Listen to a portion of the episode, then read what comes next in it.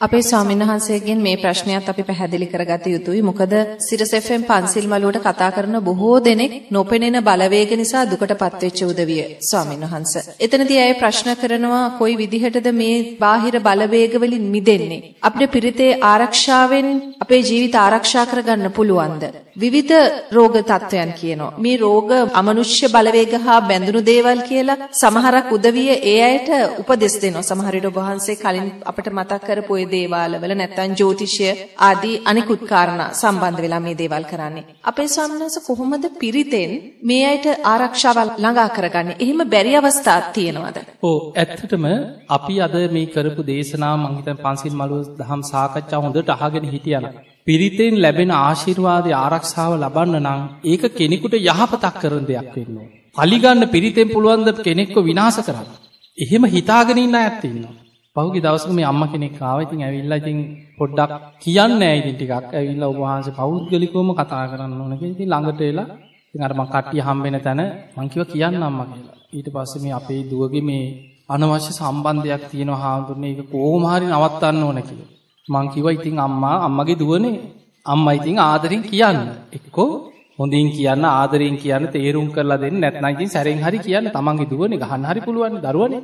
සැර කරලා හරි දුවට සැර කරන්න පුළුවන් හරියන්නේ නැහැ හාමුදුරනේ කියෝ. ඉතින් මං කිව්වා ඉතින් අම්මා මම මොකද කරන්නේ? ඔබ වහන්සේගෙන් මං උදව්වක් ඉල්ල ගන්න ආවේ කියලා. බැයි දැහුව මොකවත් කරලා දෙන්නේ. මං ඉතින් දන්නේ නැහැ වගේ මං දන්නවා දැන් ආයේ මොකටද කියලා. මං ඇහුවා ඉතින් අම්මා මොනව කරන්නද?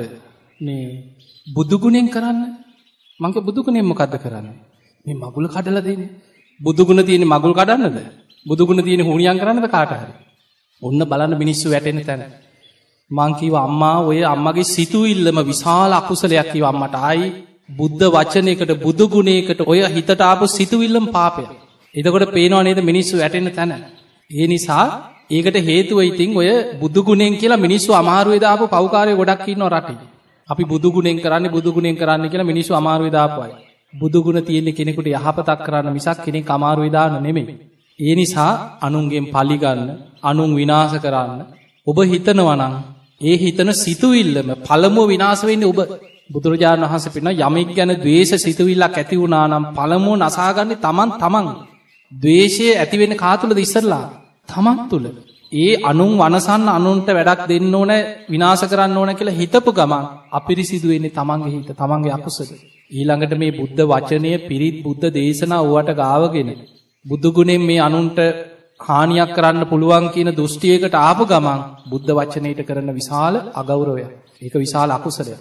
ඒ නිසා පිරිතේ ආශිර්වාදය කියන එක පුදුම ආශිර්වාදයක්. බුදු ගුණෙන් ලැබුණේ යහපතක්. බුදුරජාණන් වහන්සේ අමනුස්සේකුටත් හිරිහැරයක් කරපු කෙනෙක් නෙමෙයි. දැන් බලන්න ලංකාවට වැඩම කරලා. බුදුරජාණන් වහන්සේ මයංගනයේදී යක්ෂයන් පළවා හැරි නිකම් මේ ගහලා පැන්නුවේ නෑ. ඒකේ කොහොමද තියෙන්නේ? බුදුරජාණන් වහන්සේ යක්ෂයන්ට ඉස්සලා උන්වහන්සේගේ පෙළහර පානවා. අහසේ ගිනි දැල් විහිදුවලා යක්ෂයෝ ටිකක් බය වෙනවා. බුදුරජාණන් වහන්සේ සතෙක්වත් බිය තැති ගැනීම ඇති කර ගන්නවට කැමති නැහැ. බුදුරජාණන් වහන්සේ අහසේ ඉඳන් කියන යක්ෂයිනේ නුඹලාට බොහොම සැපසේ බිය තැති ගැනීමක් නැතුව රිසිසේ ඉන්න ගිරි දිවයින නම් දූපතක් මං ලං කරලා දෙන්න. දූපතට යන්න. මේ දිවයින අනාගතයේ තථාගතයන් වහන්සේගේ ධර්මයේ පිහිටන භූමිය. ඒ නිසා මෙන්න මේ භූමියට යන්න කියලා ගිරි දිවයින මවලා මේ ලංකා භූමියට ලං කරලා යක්ෂයන් ඒකට පළවා හැරලා ලංකා භූමිය ආරක්ෂා කරා කියලා. එතකොට අපිට පේනවා බුදුරජාන් වහන්සේ මේ අමනුස්සයෙකුටවත් කවදාවත් බිය තැති ගැනීමක් ඇති කරපු කෙනෙක් මහා කාරුණිකයි. ඒ නිසා අපි පිරිතෙන් කරන්නේ අමනුස්්‍යයෝ සුවපත් කරන එක. අමනුස්්‍යයන්වත් අර නිකං හිර කරලා තද කරලා කොහොමහරි මූටත්තඩේ දෙන්න ඕන කියලා අමනුසය එහෙම එකක් නෙමේ. එතකොට ඒ නිසා පිරිතෙන් කරන්නේ මනුස්්‍යය සුවපත්වෙනවා. ඒ අමනුස්්‍යය සුවපත්වෙනවා මනුස්සේකුට කරදර කරන අමනුසෙක්කින්න නම් ඔහුගේ හිතෙත් මෛත්‍රී සිතුවිලියත් දැම් බලන්න කරණීමිත්ත සූත්‍රයේ මෛත්‍රී ආනිසංස. මනුස්සානම් පියෝහෝති මනුස්්‍යයන්ටත් ප්‍රියයි මනුස්්‍යයන්ටත් යහපත. අමනුස්සානම් පියෝහෝති. අමනුස්්‍යයන්ටත් ප්‍රියයි. දේවතාරක්කන්ති දෙවියොත් පැහැදෙනවා දෙවියොත් රකිනවා මිනිස්සුත් යහපත්වෙනවා අමනුස්්‍යයුත් යහපත්වෙනවා සියල්ලන්ට යහපත. සබ්බේ සත්තා භවන්තු සුකිතත්තා. සියලු සත්‍යයෝ සුව පත්තේවා. දීගාවා මහන්තාවා දීර්ග සත්‍යයෝ මහත සත්‍යයෝ මජ්ජිමා මධ්‍යම් ප්‍රමාණය කුඩා සත්තු අනුක තූලාව වටකුරු හැඩෙන් යුත්ත සත්තු ඇහැට පෙනෙන නොපෙනෙන සත්තු දිට්ඨාවායේ වත්දිට්ටා සියලු සත්තු සබ්බේ සත්තා බවන්තු සුකි තත්තා. එතකොට එහෙම අපි දැන් කරණීයමිත සූත්‍රය කියනවා. ඒකේ තියෙන අර්ථය ඕකනේ. ඒ සූත්‍රෙම කියලා අපි හිතනවා නම් තව කාට හරි අනතුරක් කරන්න. මුගේ පලිගන්න ඕනේ. බැයිද දන්නේ මේ දේශනාවෙන් හරි මුන්ට මොකක් හරි කරන්න කියලා හිතනවා නම් කියලා තියෙන දේශනාවේ අර්ථය මොකද්ද? මෛත්‍රිය. හිතන්නේ මොකද්ද? අනතුර. එතකොට පේනවා නේද අපි අල්ලලා තියෙන තැන. ඒ නිසා හොඳට මතක තියාගන්න ධර්මයේ කියන්නේ යහපතක්. ධර්මයේ කියන්නේ මෛත්‍රිය කරුණා මුදිතාව මහා කරුණාව බුදුහාමුදුරන්. ඒ මහා කරුණාවෙන් දේශනා කරපු දේශනාව. ඒ බුද්ධ දේශනාව වරද්ද ගත්තොත් නම් ඒවත් තමන්ට අකුසල විපාක හැටියට කැරකෙන්න්න පුළුවන් ඒ නිසා මුදට ධර්මයේ පිහිටලා ඉන්න ඔය එක එක බලවේගවලට බොහෝ දෙනෙක් අහුවෙන්නේ ධර්මයේ නොදන්නකම නිසා. දැම් බලන්න අද ඔය අපි කලින් කතා කරපු දේශනාව උදේ හවස භාවිතාවට ගන්නව නම් මෝර පිරිත් මොන ආරක්ෂාවද්ද කියල දවසේ ආයිතින් අපිට වෙනවෙන ආරක්ෂාවල්ල ොදනේ සමහරුන්ගේ ඇගේ එල්ලගෙන තියෙන සුරටික යකට බඩු කඩයක්දාගන්න පුළුවන් එකතු කරානම් පවුලිටික නැද්දහෙමයි. ඒ නිසා දුවන්නෙම ඒවට. ස්වාමිනස අමනුෂ්‍ය ග්‍රහණයන් වලට මිනිස්සු පහසුවෙන්ම හසුවෙන්නේ හසු වෙන එකන සමහර අය මේ බෞද්ධයි කියාගෙන හිටියට ඇත්තටම බෞද්ධයෝ නෙමෙයි. බෞද්ධ කියන අවබෝධයෙන් තෙරුවන් සරණ යන කෙනා දැන් ඉන්න බෞද්ධය අර උපැන්න සහතිකේ නමට නිකම් බෞද්ධ කියලා වැටිච්චායනේ. ඒ නිසා අපි හිතමු උණ ගැයෙනවා. කාට හරි දරුවට සනීප නැහැ. දොස්තර ඉන්නවා ළඟ. දොස්තර ළඟට නෙමෙයි යන්නේ. අනේ මේ දුවට මුන්ට ඌණියමක්වත් කරාත් දන්නේ. කියලා දුවන්නේ දේවාලෙට. එතකොට සමහරුන්ට උනක් හිම්බිරිස්සාවක් හැදි වුණා. පොඩි සද්දයක් ගෙදර ආවා. දුවන්නෙම දේවාල ගානෙමයි. එතකොට ඒක ඒ සමහර පරම්පරාවෙන් ගෙන ඒවා. එහෙම ඒවා නැද්ද? බලන්න හොඳට ආච්චිලා සීයලාගේ ඉඳන් බලන්න. සමහර ආච්චිලා ඉන්නවා ජීවිත කාලෙම දේවාල ගානෙමයි. නොදන්න කාලේ ඉඳන් දුවත් උස්සගෙන යන්නේ. අතින් අල්ලගෙන. දුවත් ඊට පස්සේ දේවාල ගානෙමයි.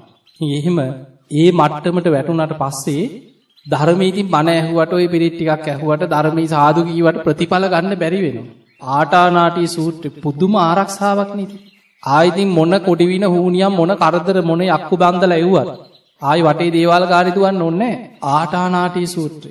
පුදුම ආරක්ෂාව. ස්වාමිනාන්ස දැන් ආටානාටිය සූත්‍රය පිරිත පිළිබඳව ප්‍රශ්නයක් ගොනු කරලා තියෙනවා දැන්. කොටස් දෙකම එකවර සජ්ජායනා කිරීම සුදුසුද කියලා ස්වාමීන් වහන්සේ. ඔව් ඇත්තටම පිරිත් පොත ඔබ පෙරලා බලන්න. පිරිත් පොතේ ආටානාටිය සූත්‍රයේම දෙපාරක් වගේ තියෙනවා.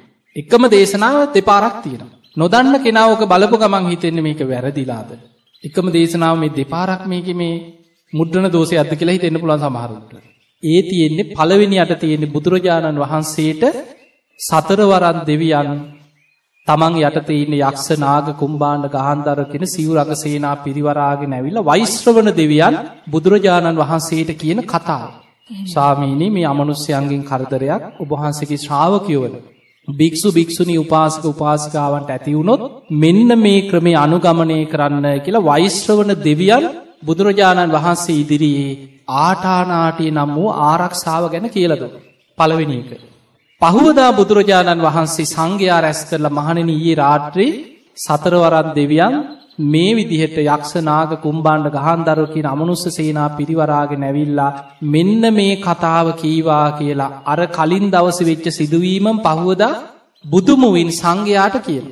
ඒක තමයි ඊළඟට තියෙන. එතකොට අර කතාව ඒ විදිහට පහුවදා බුදුමුවින් සංඝයාට කියලා බුදුරජාණන් වහන්සේ අවසානය වදාළ මහණෙන ඒ නිසා නුඹලා මගේ ශ්‍රාවකයෝ පැවිද්ධ විතරක් නෙමෙයි. භික්‍ෂු භික්‍ෂුණී උපාසක උපාසිකාවන්ගේ රැකවරණය පිණිස. ආරක්ෂාව පිණිස. අමනුස්්‍යයන්ගෙන් අනතුරක් නොවීම පිණිස. පහසු විහරණී පිණිස. මේ ආටානාටිය නම් වූ දහම් පරියාය හොඳට මතක තියාගන්න ධාරණය කරගන්න ඒ නිතර භාවිතා කරන්නකි අමනු සූදුරුවෙන්නෑකි. ඒ නිසා ඒක දෙකම නෙමේ එකක් කියන්න. දෙකම කියෝල තේරුම් ගන්න වෙච්චදේ එක කොටසක් කියන්න. ඊළඟට දරුණු අමනුස්සේ කරදර කරනවමනම් අපි නිකන් කියනවට වැඩේ දැ මේක තියෙන්නේ අමනුස්ස කරදරයක් තියෙනව නම් මිදෙන ක්‍රමේ. එතකොට තමන්ගේ ඇඟට අමනුස්සෙක් දිගට වැහිලා වද දෙනවනං කියන්න ඕන කොට සක් තියෙනවා. ඒක තියෙනවා අයං යක්කෝ ගන්හාද මේ අක්ෂයෙක් මට කරදර කරනවා. අයං යක්කෝ ආවිසති මේ යකෙක් මට ආවේශ වෙනවා. අයං යක්කෝ හේටේති මේ යකෙක් මට පීඩා කර.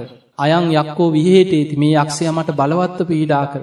අයං යක්කෝ හිංසති මේ යකාමට හිංසා කරනවා. අයං යක්කෝ විහිංසති මේ යකාමට බලවත්ව බලවත්ව හිංසා කර. අයං යක්කෝ නමුංචති මේ යකාමාව අතහැරලා යන්න අනේ මට වද දෙනවා කියලා ඒ ටික හඬනගා කියලා ඉන්රෝ සෝමෝ වරුණෝ භාරද්වාජෝ කියන අර අටවිසි යක්ෂ සෙම්පතිවරුන් ගොඩකගේ නං කියන.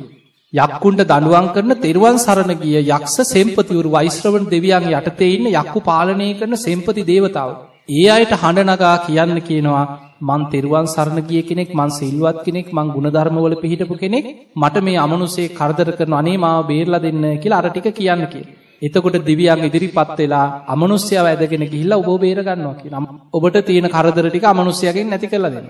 දෙවියන් ඔබෝ රකින්න. ඒ නිසා ඔය පිරිත් දේශනාවල අර්ථය හොඳට කියවගන්න. එතකොට ඔබට තේරෙයි කරන්න ඕන මොකක්ද කියලා.